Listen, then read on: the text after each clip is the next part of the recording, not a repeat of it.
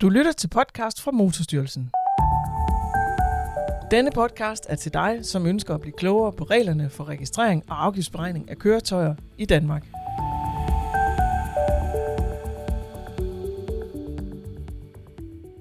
Velkommen til det første afsnit af podcast for Motorstyrelsen. I det her første afsnit, der skal vi tale om, hvad Motorstyrelsen egentlig er.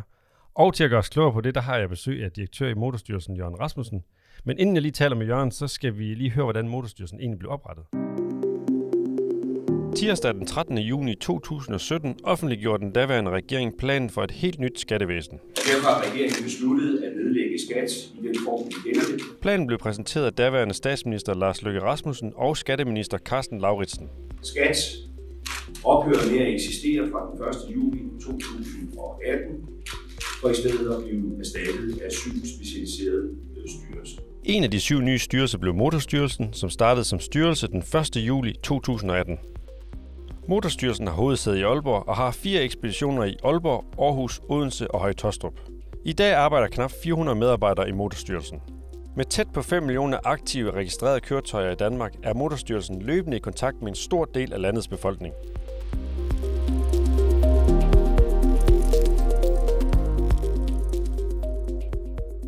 Jørgen Rasmussen, du har været med siden starten af den nye styrelse i 2018.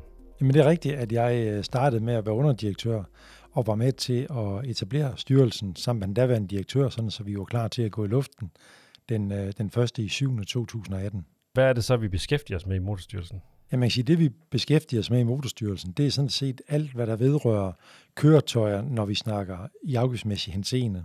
Så det vil sige, når det handler om at få værdifastsat køretøj og finde ud af, hvad afgiften skal være, hvad de løbende afgifter skal være, så er det det, vi beskæftiger os med. Det vi ikke beskæftiger os med, når vi snakker køretøjer, det er alt omkring det, som politiet laver. For eksempel med at give, øh, give fartbøder, øh, tage klip nummerpladerne, hvis man ikke får betalt det, man skal. Og vi beskæftiger os heller ikke med det, som Færdselsstyrelsen har ansvaret for, nemlig at sikre, at, øh, at køretøjerne, der kører på de danske veje, de er sikkerhedsmæssigt forsvarlige. Men, men hvad er egentlig Motorstyrelsens mission? Altså hvad er vi sat i verden for?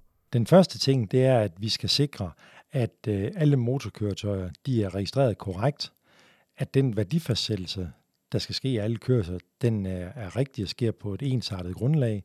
Den anden ting, som vi, øh, som vi arbejder på, det er, at vi skal være bidrag til, at vi får et smidigt bilmarked i Danmark. Den tredje ting, som øh, vi er sat i verden for, det er at være med til at genoprette tilliden til skatteforvaltningen. Og det er faktisk noget af det, som var utrolig vigtigt for os alle sammen, da vi blev, øh, da vi blev selvstændige styrelser. Det var, at vi alle sammen tager del i det. For vi har alle sammen et ansvar for at sikre, at alle de penge, der skal i fælleskassen, hvad enten de kommer fra Motorstyrelsen, fra Skattestyrelsen eller over for tolområdet, at så er det de rigtige penge, der kommer i kassen til gavn for os alle sammen, hverken mere eller mindre. Og, øh, og jeg tror, noget af det, der er vigtigst for os og for alle de andre styrelser også, det er egentlig det, man kunne kalde transparens. Øh, og så også, at vi tør fortælle om øh, både vores succeser, men de ting, der er svært for os, at vi også tør fortælle om, hvad der er svært, hvorfor det er svært, og hvordan vi har tænkt os og, øh, og arbejde med det for at få det løst. Ja, fordi hvordan går arbejdet så med at genoprette tilliden, som du siger? Jamen, det, øh, der burde man jo i virkeligheden spørge omverdenen om det, og det gør vi jo så heldigvis også. Vi laver jo både det, der hedder omdømmeanalyser, og det, der hedder interessentanalyser hver anden år, hvor vi simpelthen spørger befolkningen, hvordan oplever I de forskellige styrelser i skatteforvaltningen herunder motorstyrelsen. Og det vi har kunne se, det er, at de to gange, vi har målt det, der, sker der, faktisk, der er faktisk sket en ret flot stigning i, øh, i den måde, som vi bliver opfattet på.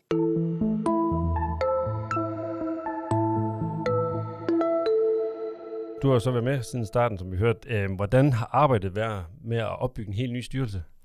Jamen det har jo først og fremmest været en utrolig spændende opgave, og det der var sådan opgaven i det, hvis man kan sige det sådan, det var jo, at vi fik, øh, vi fik besked på at etablere en selvstændig styrelse i Aalborg. Og det betød, at vi skulle have samlet de enheder, som lå rundt omkring i landet. Altså heldigvis så, øh, så fik vi lavet nogle, nogle lange overgangsperioder, sådan så øh, selvom vi startede den, øh, den første i 7. 2018, så var det ikke på det tidspunkt dagen efter, at Høje-Tostrup, for eksempel, de enheder, vi havde der, blev lukket ned, og så skulle vi starte i Aalborg. Vi havde faktisk en lang periode, hvor vi sådan næsten i nærheden af halvandet år havde mulighed for at rekruttere nye ind i Aalborg, træk på den viden, der var på de forskellige lokationer i Aarhus, Odense og Høje-Tostrup, og på den måde få lavet en god vidensoverdragelse fra de medarbejdere, til de nye medarbejdere, der skulle, øh, der skulle være i Aalborg. Men jeg har meget respekt for, for den opgave, både der ligger i det, men også respekt for de medarbejdere, fordi det er ikke bare lige at have siddet 10-20 år på en opgave, og pludselig så, så skal man som ny ind og overtage den, og selvom man måske har et år, hvor man går sammen med, øh, med de erfarne, så er det ikke noget, der bare lige sker fra den ene dag til den anden. Så det er en kæmpe opgave for de ting til at falde på plads. Nu siger du det med at overdrage viden til nye, at det er svært. Hvor, hvorfor er det det? Verden bliver jo mere og mere kompleks, og vores opgaver bliver også mere og mere kompleks. Alle køretøjer er næsten unikke, og det betyder, at det stiller også krav til, at vores viden den er unik. Og oven i det, så er det heller ingen hemmelighed, at vi har jo også, øh, vi har jo også fået en, øh, en lovgivning, som, øh, som er kompleks, og ikke er blevet mindre kompleks af den måde, som vi danskere i dag gerne vil lege en bil. Altså i gamle dage havde vi en bil, og så købte vi den, og når den var rustet op, så fik vi den skrottet og købte en ny. I dag er det jo, er det jo helt andre vilkår, vi ønsker at eje en bil på. Vi vil, øh, vi vil sådan groft sagt, så vil vi gerne have en, en cabriolet om sommeren, vi vil gerne have en øh, stor firehjulstrukken om vinteren, når vi skal på skiferie. Og på den måde, så er leasingbegrebet jo også uh, kommet mere og mere og vundet mere og mere frem. Og, øh, og det er bare en, øh, en kompleks verden, som vi selvfølgelig er nødt til at forholde os til også, og det stiller bare nogle store krav til vores medarbejdere. Nu siger du, og vi hørte også i introen, at vi har også, øh, altså hovedkontoret er her i Aalborg, men vi har også nogle motorekspeditioner. Hvorfor er det, vi stadig har det? Ja, vi har jo fire motorekspeditioner fordelt øh, sådan geografisk rundt omkring i landet. Og det har vi, fordi der stadigvæk er nogle opgaver, som man ikke kan løse digitalt, hvor, hvor virksomheder og borgere simpelthen er nødt til at komme ind til os, og så kan vi hjælpe dem. Og, øh, og for at der ikke skal være alt for langt at køre for, for dem, der nu har brug for det, så har vi stadigvæk fire steder.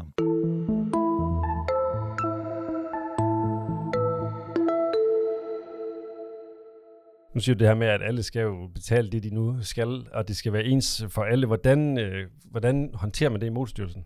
Øh, indledningsvis vil jeg sige, at det, der er vigtigt, og grunden til, at alle skal betale det, de skal, det er jo selvfølgelig, fordi alle skal bidrage til fælleskassen med det, de nu skal betale. Men det er også vigtigt for at sikre, at vi har et marked, som er præget af en konkurrence, som sker på færre vilkår. Og hvis der er nogen, der ikke betaler det, de skal, jamen, så har de nogle konkurrencefordele frem for dem, der driver en ordentlig og super butik. Og det er ikke fair, og det skal vi selvfølgelig være med til at sætte, øh, sætte en stopper for. Og det gør vi så på flere forskellige måder. Vi gør det selvfølgelig først og fremmest ved, at vi vejleder virksomheden, for vi tror faktisk på, at øh, hvis man, øh, hvis man kan finde ud af reglerne, så vil man også gerne gøre det rigtigt. Så vi har en stor vejledningsaktivitet, men det er ikke alle, vi når på den, øh, på den måde alligevel. Så derfor skal vi ud og lave kontrol også. Vi laver kontrol hjemme, vi laver kontrol ude. Og, øh, og en ting er jo skrivebordskontroller, som man kunne kalde det, hvor vi sidder hjemme og laver noget. Men de kontroller, som vi laver ude, de kan foregå enten ved, at vi selv tager ud i virksomheden og laver kontrol, men de kan også foregå ved, at vi sammen med politiet øh, tager rundt øh, og holder øje med, hvad der er der grunden, der foregår. Så har politiet noget, de holder øje med, og vi har noget, vi holder øje med. Som jeg startede med at sige, vi tager sig af afgiftsdelen, og politiet kan så tage sig af de andre ting, som, som de så har interesse i. Vi er også nødt til at bruge vores ressourcer på den rigtige måde, og derfor så er vi sådan meget optaget af at bruge vores data til at finde ud af, hvor skal vi sætte ind henne. Fordi hvis der er noget, vi for alt i verden skal undgå, så er det sådan lidt firkantet sagt, og chikanere de virksomheder, som godt kan finde ud af at gøre det rigtigt. Men dem, som ikke kan finde ud af det, og det er det, data kan hjælpe os med at finde ud af, det er, hvor er det henne, at der er nogen, der har det svært med det. Og der skal vi bruge vores kræfter. Og det har så ført frem til, at vi har lavet nogle, øh, nogle forskellige modeller. Vi kalder det en adfærdsmodel ind med os, hvor, øh, hvor vi simpelthen sammenstiller data på en måde, som gør, at vi er i stand til at sige noget om de pågældende virksomheders adfærd, og den måde, de agerer på. Ja, fordi, hvordan virker adfærdsmodellen sådan helt konkret? Ja, den virker simpelthen på den måde, at vi, øh, at vi holder øje med den måde, som virksomhederne øh, agerer på. Det vil sige den måde, de angiver deres, øh, deres ting på, den måde, de værdifastsætter deres køretøjer på. Og på baggrund af alle de data, som vi samler sammen, som vi har mange forskellige steder, så laver vi det, vi kalder en adfærdsmodel, hvor vi simpelthen scorer alle øh, de, øh, de ting og de oplysninger, vi har for virksomheden på en måde, som gør, at vi er, stand, vi er i stand til at rangordne alle virksomheder. Og, øh, og det er det, vi så bruger til at finde ud af, hvordan er det, vi skal tage fat i de pågældende for at i første omgang at få dem til at rette ind på, øh, på en rigtig vej. Hvordan har branchen så taget imod den her adfærdsmodel? Jamen, jeg synes, de har taget rigtig, rigtig flot imod den. Vi, øh, vi er jo i meget tæt kontakt med, med branchen. Og, øh, og det er vi selvfølgelig, fordi vi skal være helt bevidste om, hvorfor vi er her. Vi er her ikke for vores egen skyld. Vi er her for at sikre et smidigt og velfungerende bilmarked, blandt andet, som jeg sagde. Vi har jo også et mere formelt samarbejde med branchen i det, som hedder Motorkontaktudvalget, hvor Motorstyrelsen mødes med 25-30 deltagere fra branchen øh, cirka tre gange årligt, hvor der så bliver drøftet forskellige øh, emner. Motorstyrelsen fortæller lidt om, hvad der foregår, og, og branchen kan så komme med input. Men hvordan foregår det generelle samarbejde, altså det daglige samarbejde med branchen? Jamen ja, i virkeligheden så foregår det på, på alle ledere og kanter i Motorstyrelsen, kan man sige. Det er, at, øh, at vores dygtige medarbejdere, de i dagligdagen er i dialog med branchen, det er jo et super vigtigt sted at sikre, at, øh, at vi har den gode dialog med branchen, og at de oplever os som, øh, som både som myndige, men også som professionelle og lydhøre. Men udover det, så, øh, så, så er der rigtig mange i organisationen, der, der deltager, når branchen holder, holder møder. Det gør jeg selv også, men det kan være vores jurister derude, det kan være vores værdifastsættere, der tager ud til branchemøder og fortæller, hvordan vi laver arbejdet.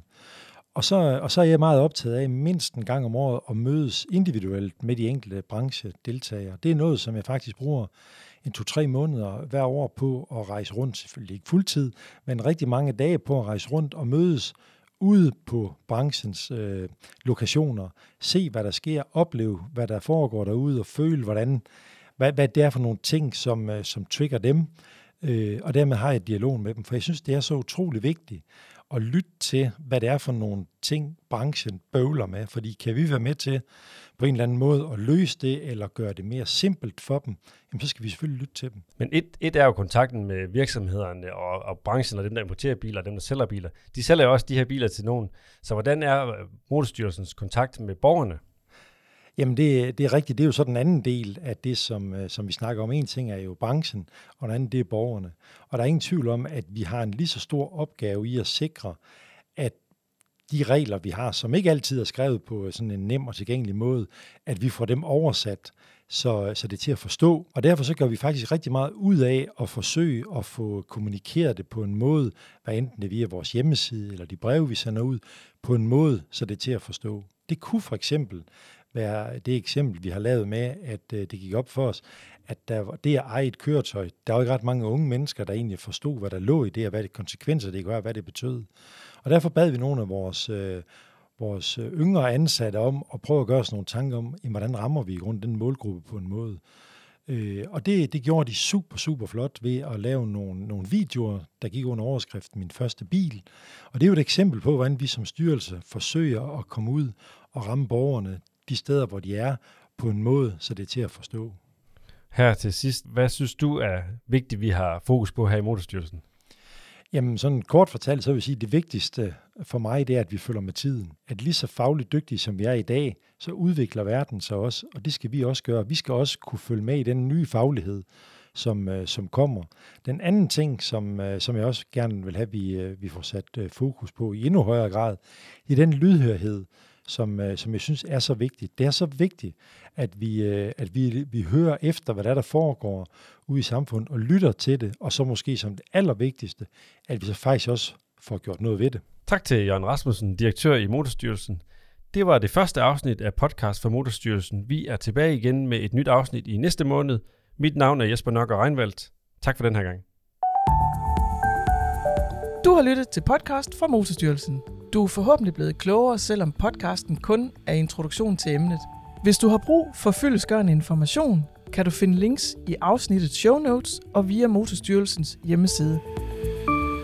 Tak fordi du lyttede med.